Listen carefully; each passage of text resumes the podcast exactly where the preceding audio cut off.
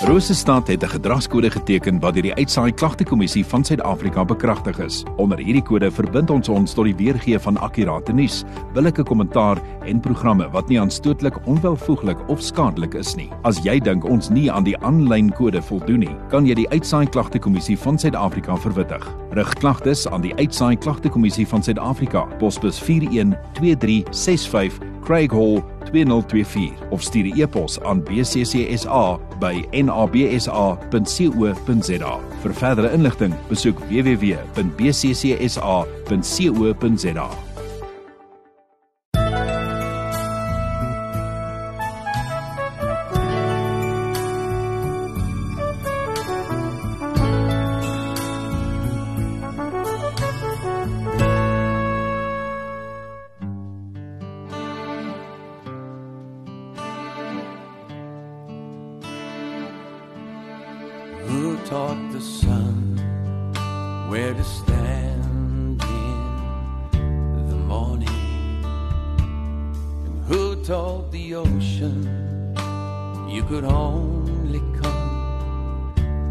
far? And who showed the moon where to hide till evening? Whose words alone can catch a falling star? will I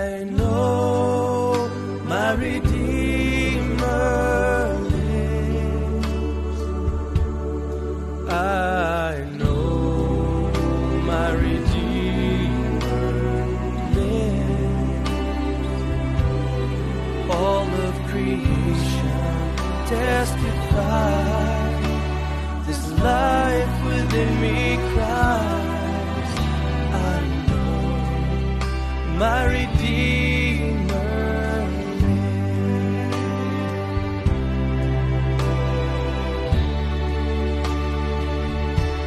The very same God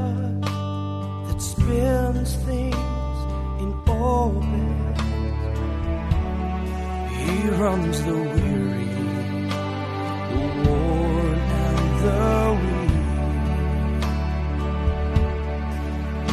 and the same gentle hands that hold me when I'm broken. They conquer death to bring me victory. And I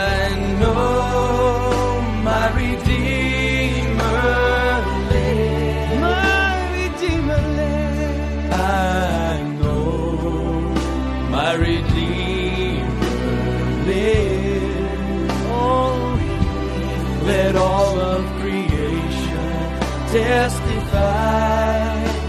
This life within me cries. I know my Redeemer.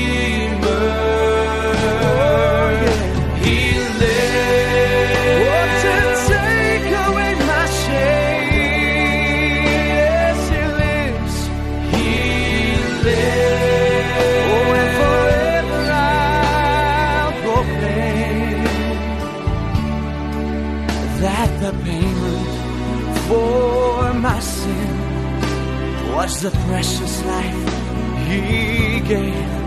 But now he's alive, and there is a new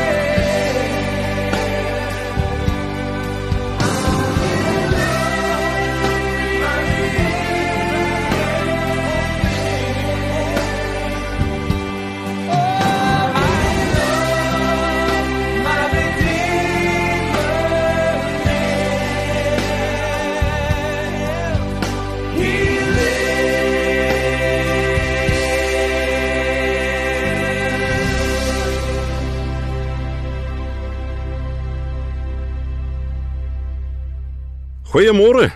Baie dankie dat ons vanmôre weer so lekker kan kuier rondom die Here se woord.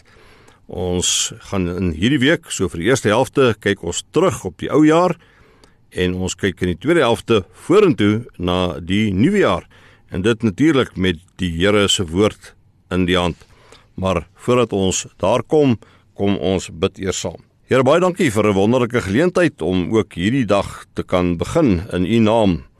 Baie dankie dat ons in hierdie tyd kan terugkyk op 'n ou jaar en kan sê dankie vir u genade wat oor ons baie groot was. Here ons wil ook vir u sê dat sonder u vir ons die nuwe jaar nie ingaan nie. Baie dankie dat ons in hierdie oomblikke juis kan stil staan by u woord en dat u self ook aan die woord kom om vir ons te lei en te dra in Jesus se naam. Amen. Ons lees op hierdie Dinsdagoggend uit Deuteronomium hoofstuk 32 Ons gaan daar lees net van vers 9 tot vers 14. En uh, Moses is hier aan die woord. Dit is so naby aan die einde van sy lewe en sy bediening. Nou ja, daar lees ons dan Hulle is die Here se volk, sy deel. Jakob is die Here se vaste eiendom. Hy het sy volk in die woestyn gevind in 'n onbewoonbare land waar woestyndiere skreeu. Die Here het sy volk omhels, hom vertroetel en versorg soos die appel van sy oog soos 'n arend wat sy kleintjies uit die nes uitskop, oor hulle fladder en hulle vang op sy vlerke wat hy oopsprei, soos 'n arend wat sy kuikens op sy vlerke dra. So het die Here net hy alleen sy volk gelei. Daar was nie 'n ander god by hom nie. Die Here het sy volk die land in besit laat neem en en hom laat eet van die opbrengs van die lande. Hom heuning uit klipskeure laat geniet. Olie uit harde klip, botter uit die beestrop melk van die kleinvee, vet lammers, skaapramme en bokramme uit Basan, die beste koring. Die wyn wat jy drink kom uit die beste druiwe. Dit dan ons skriflesing vandag. Ons kyk daarna aan aanleiding van die tema saam met God op die grens tussen die verlede en die toekoms. Ja, so by die terugkyk op die ou jaar is ons in die voortgaande stroom van tyd. Ons staan op die grens van dit wat was en dit wat nog moet wees. Ons staan nou op die grens wat loop tussen die jaar 2023 en 2024. Maar so het Moses en die volk Israel ook op die grens van die land Kanaan gestaan. Op hierdie grens kyk Moses die volk terug op die pad wat verby is, maar ook na die pad wat voorlê. Kom ons kyk dan wat hulle gedoen het toe hulle op hierdie grens gestaan het. In vers 5 staan daar: Israel is ontrou aan die Here, nie meer sy kinders nie, nie geskik vir sy diens nie vals en korrup. Ek gaan dus hier in eerste plek daaroor dat hulle belydenis van hulle sonde doen. Wanneer jy so op die skeidslyn tussen verlede en toekoms staan, wanneer jy terugkyk op die pad waarlangs jy gekom het, dan gaan dit hand aan hand met skuldbelydenis. En hoe het Israel nie gesondig nie? Skaars was hulle uit Egipte of hulle het 'n goue kalf gemaak en dit aanbid. Dan was daar die kere wat hulle gemurmureer het. Daar was die vrees vir die volke in die beloofde land wat eintlik hulle wantroue in die Here onderstreep het en wat op die ouend veroorsaak het dat hulle 40 jaar langer in die woestyn vertoef het. Wanneer ons hier op die grens tussen 2023 en 24 staan, behoort ons ook terug te kyk en so die terugkyk behoort ons ook raak te sien dat ons gesondig het. Daardie dinge wat skeiding gebring het tussen my en God. Daardie dinge wat 'n uh, kloof gebring het tussen my en ander. Dalk is dit die manier hoe ek my huisgenote behandel het of my humeurigheid. Waar dit ook al is, kyk terug op die jaar. sien jou sonde raak. Maak die saak met die Here reg voor jy 2024 betree. Bely jou sondes voor die Here en gaan die nuwe jaar saam met hom in sonder dat jou sondes 'n skeidsmuur tussen jou en hom vorm. Maar wanneer ons op die grens tussen die ou en die nuwe jaar staan, is die woorde van ons teks vers 11 ook van besondere belang. Ons lees daar: Soos 'n arend wat sy kleintjies uit die nes uitskop, oor hulle fladder en hulle vang op sy vlerke wat hy oopsprei, soos 'n arend wat sy kuikens op sy vlerke dra, So het die Here net hy alleen sy volk gelei. Ja, wanneer arende hulle kykens leer vlieg, gaan hulle redelik rof te werk. Die ma skop die kleintjies uit die nes wat soms duisende meters bo die grond is. Hulle tuimel dan met 'n vreeslike spoed na onder. Voor hulle egter die grond tref, vlieg die pa arend onder hulle in sodat hulle veilig op sy vlerke land en hulle weer die rom teruggeneem word na die nes van veiligheid. En hierdie proses word herhaal totdat hulle behoorlik kan vlieg en hulle die onbetwiste heersers van die lug is. In die oorspronklike taal waarin hierdie gedeelte geskryf is, kom dit mooi mooi na vore dat dit die ma is wat die kuikens uitskop en die pa is wat hulle vang. Ja, God se krag word dus voorgehou as 'n sterke krag, maar ook as 'n teere krag. Hy is die almagtige, maar ook die een wat ons troos. As die arend nie sy kuikens uit die nes skop nie, sal hulle nooit weer vlieg nie. Hy sal nooit daardie onsagwekkende vlerkspan hê nie. En so maak God ook soms met ons. Soms soms stamp by ons by wyse van spreker die nes. En laat ons vir duisende meters tuimel oor die duiselwekkende afgrond sodat ons oortuig is dat ons ons te pletter gaan val. Maar hy is getrou. Voor ons ons voordat ons kan val, dan soep hy onder ons in en dra ons op sy vlerke na nuwe hoogtes en veiligheid. Ja, God laat soms beproewings in ons lewens toe. Almal van ons het dit die afgelope jaar ervaar, ervaar dalk my gesondheid of ander dinge in my lewe wat 'n laagtepunt bereik het, miskien my beroep Dalk het jy jou ook nie sonder rede nie eindeloos oor jou ouers of kinders bekommer. Miskien gaan jy die nuwe jaar met 'n hol kol tegemoet. Dit is sodat ons maar versigtig moet wees oor wat ons aan God toeskryf, oor wat hy sou wil en oor wat hy sou doen, want baie keer is dit ons eie toedoen dat daar dinge oor ons pad kom. Maar soms is dit tog God wat ons uit die nes uitskop sodat ons ons vlerke ook kan ontwikkel. Ja, feit van die saak is dat God wil hê dat ons mondige Christene sal word. Nie onbeholpe om te vlieg na hoë geestelike hoogtes nie. Ja, gelukkig weet ons ook na aanleiding van hierdie beeld dat God ons nooit sal los sodat ons ons te pletter sal val nie. Hy sal ons nooit maar net laat nie. Hy is altyd betyds daar om ons te red van ondergang en vernietiging. Wanneer ons dan vandag soos 'n Moses van ouds op die grens tussen die verlede en die toekoms staan. Die grens tussen dit wat was en dit wat nog moet kom, die grens tussen die jaar 2023 en 2024. Kom ons bely ons sonde sodat ons die nuwe jaar met God tegemoet kan gaan sonder iets wat skeiding tussen ons en hom veroorsaak. Verder, as ons terugkyk op die afgelope jaar en ons sien die tye raak, toe dit nie so goed met ons gegaan het nie, Kom ons dink daaraan dat dit moontlik die tye was toe God ons uit die nes geskop het om ons geestelike vlerke te laat ontwikkel en sterk te maak. Kom ons kyk in dankbaarheid terug op al die kere wat hy ons bewaar het van ondergang. Die kere wat hy ons op sy vlerke gedra het. daarmee saam met ons ook die versekering dat hy ons op sy magtige vlerke sal dra in 2024. Ek sluit af met ons teks.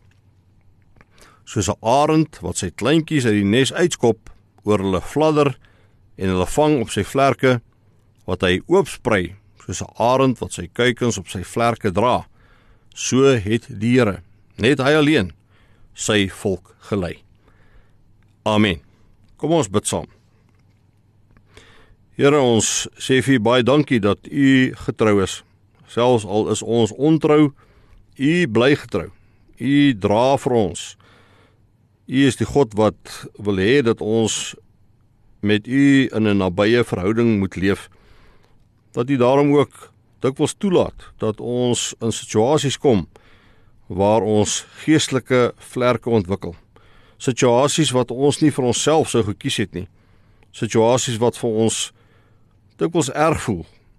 Beproewings. Maar baie dankie Here dat ons kan weet U is getrou. U sal nie toelaat dat ons ons te pletter val op die rotse nie. Dat ons ook die jaar wat voorlê met hierdie wete dit tegemoet kan gaan. U is altyd daar vir ons. In Jesus se naam. Amen. Geniet die dag. As dit die Here se wil is, dan praat ons môre weer verder. Totsiens.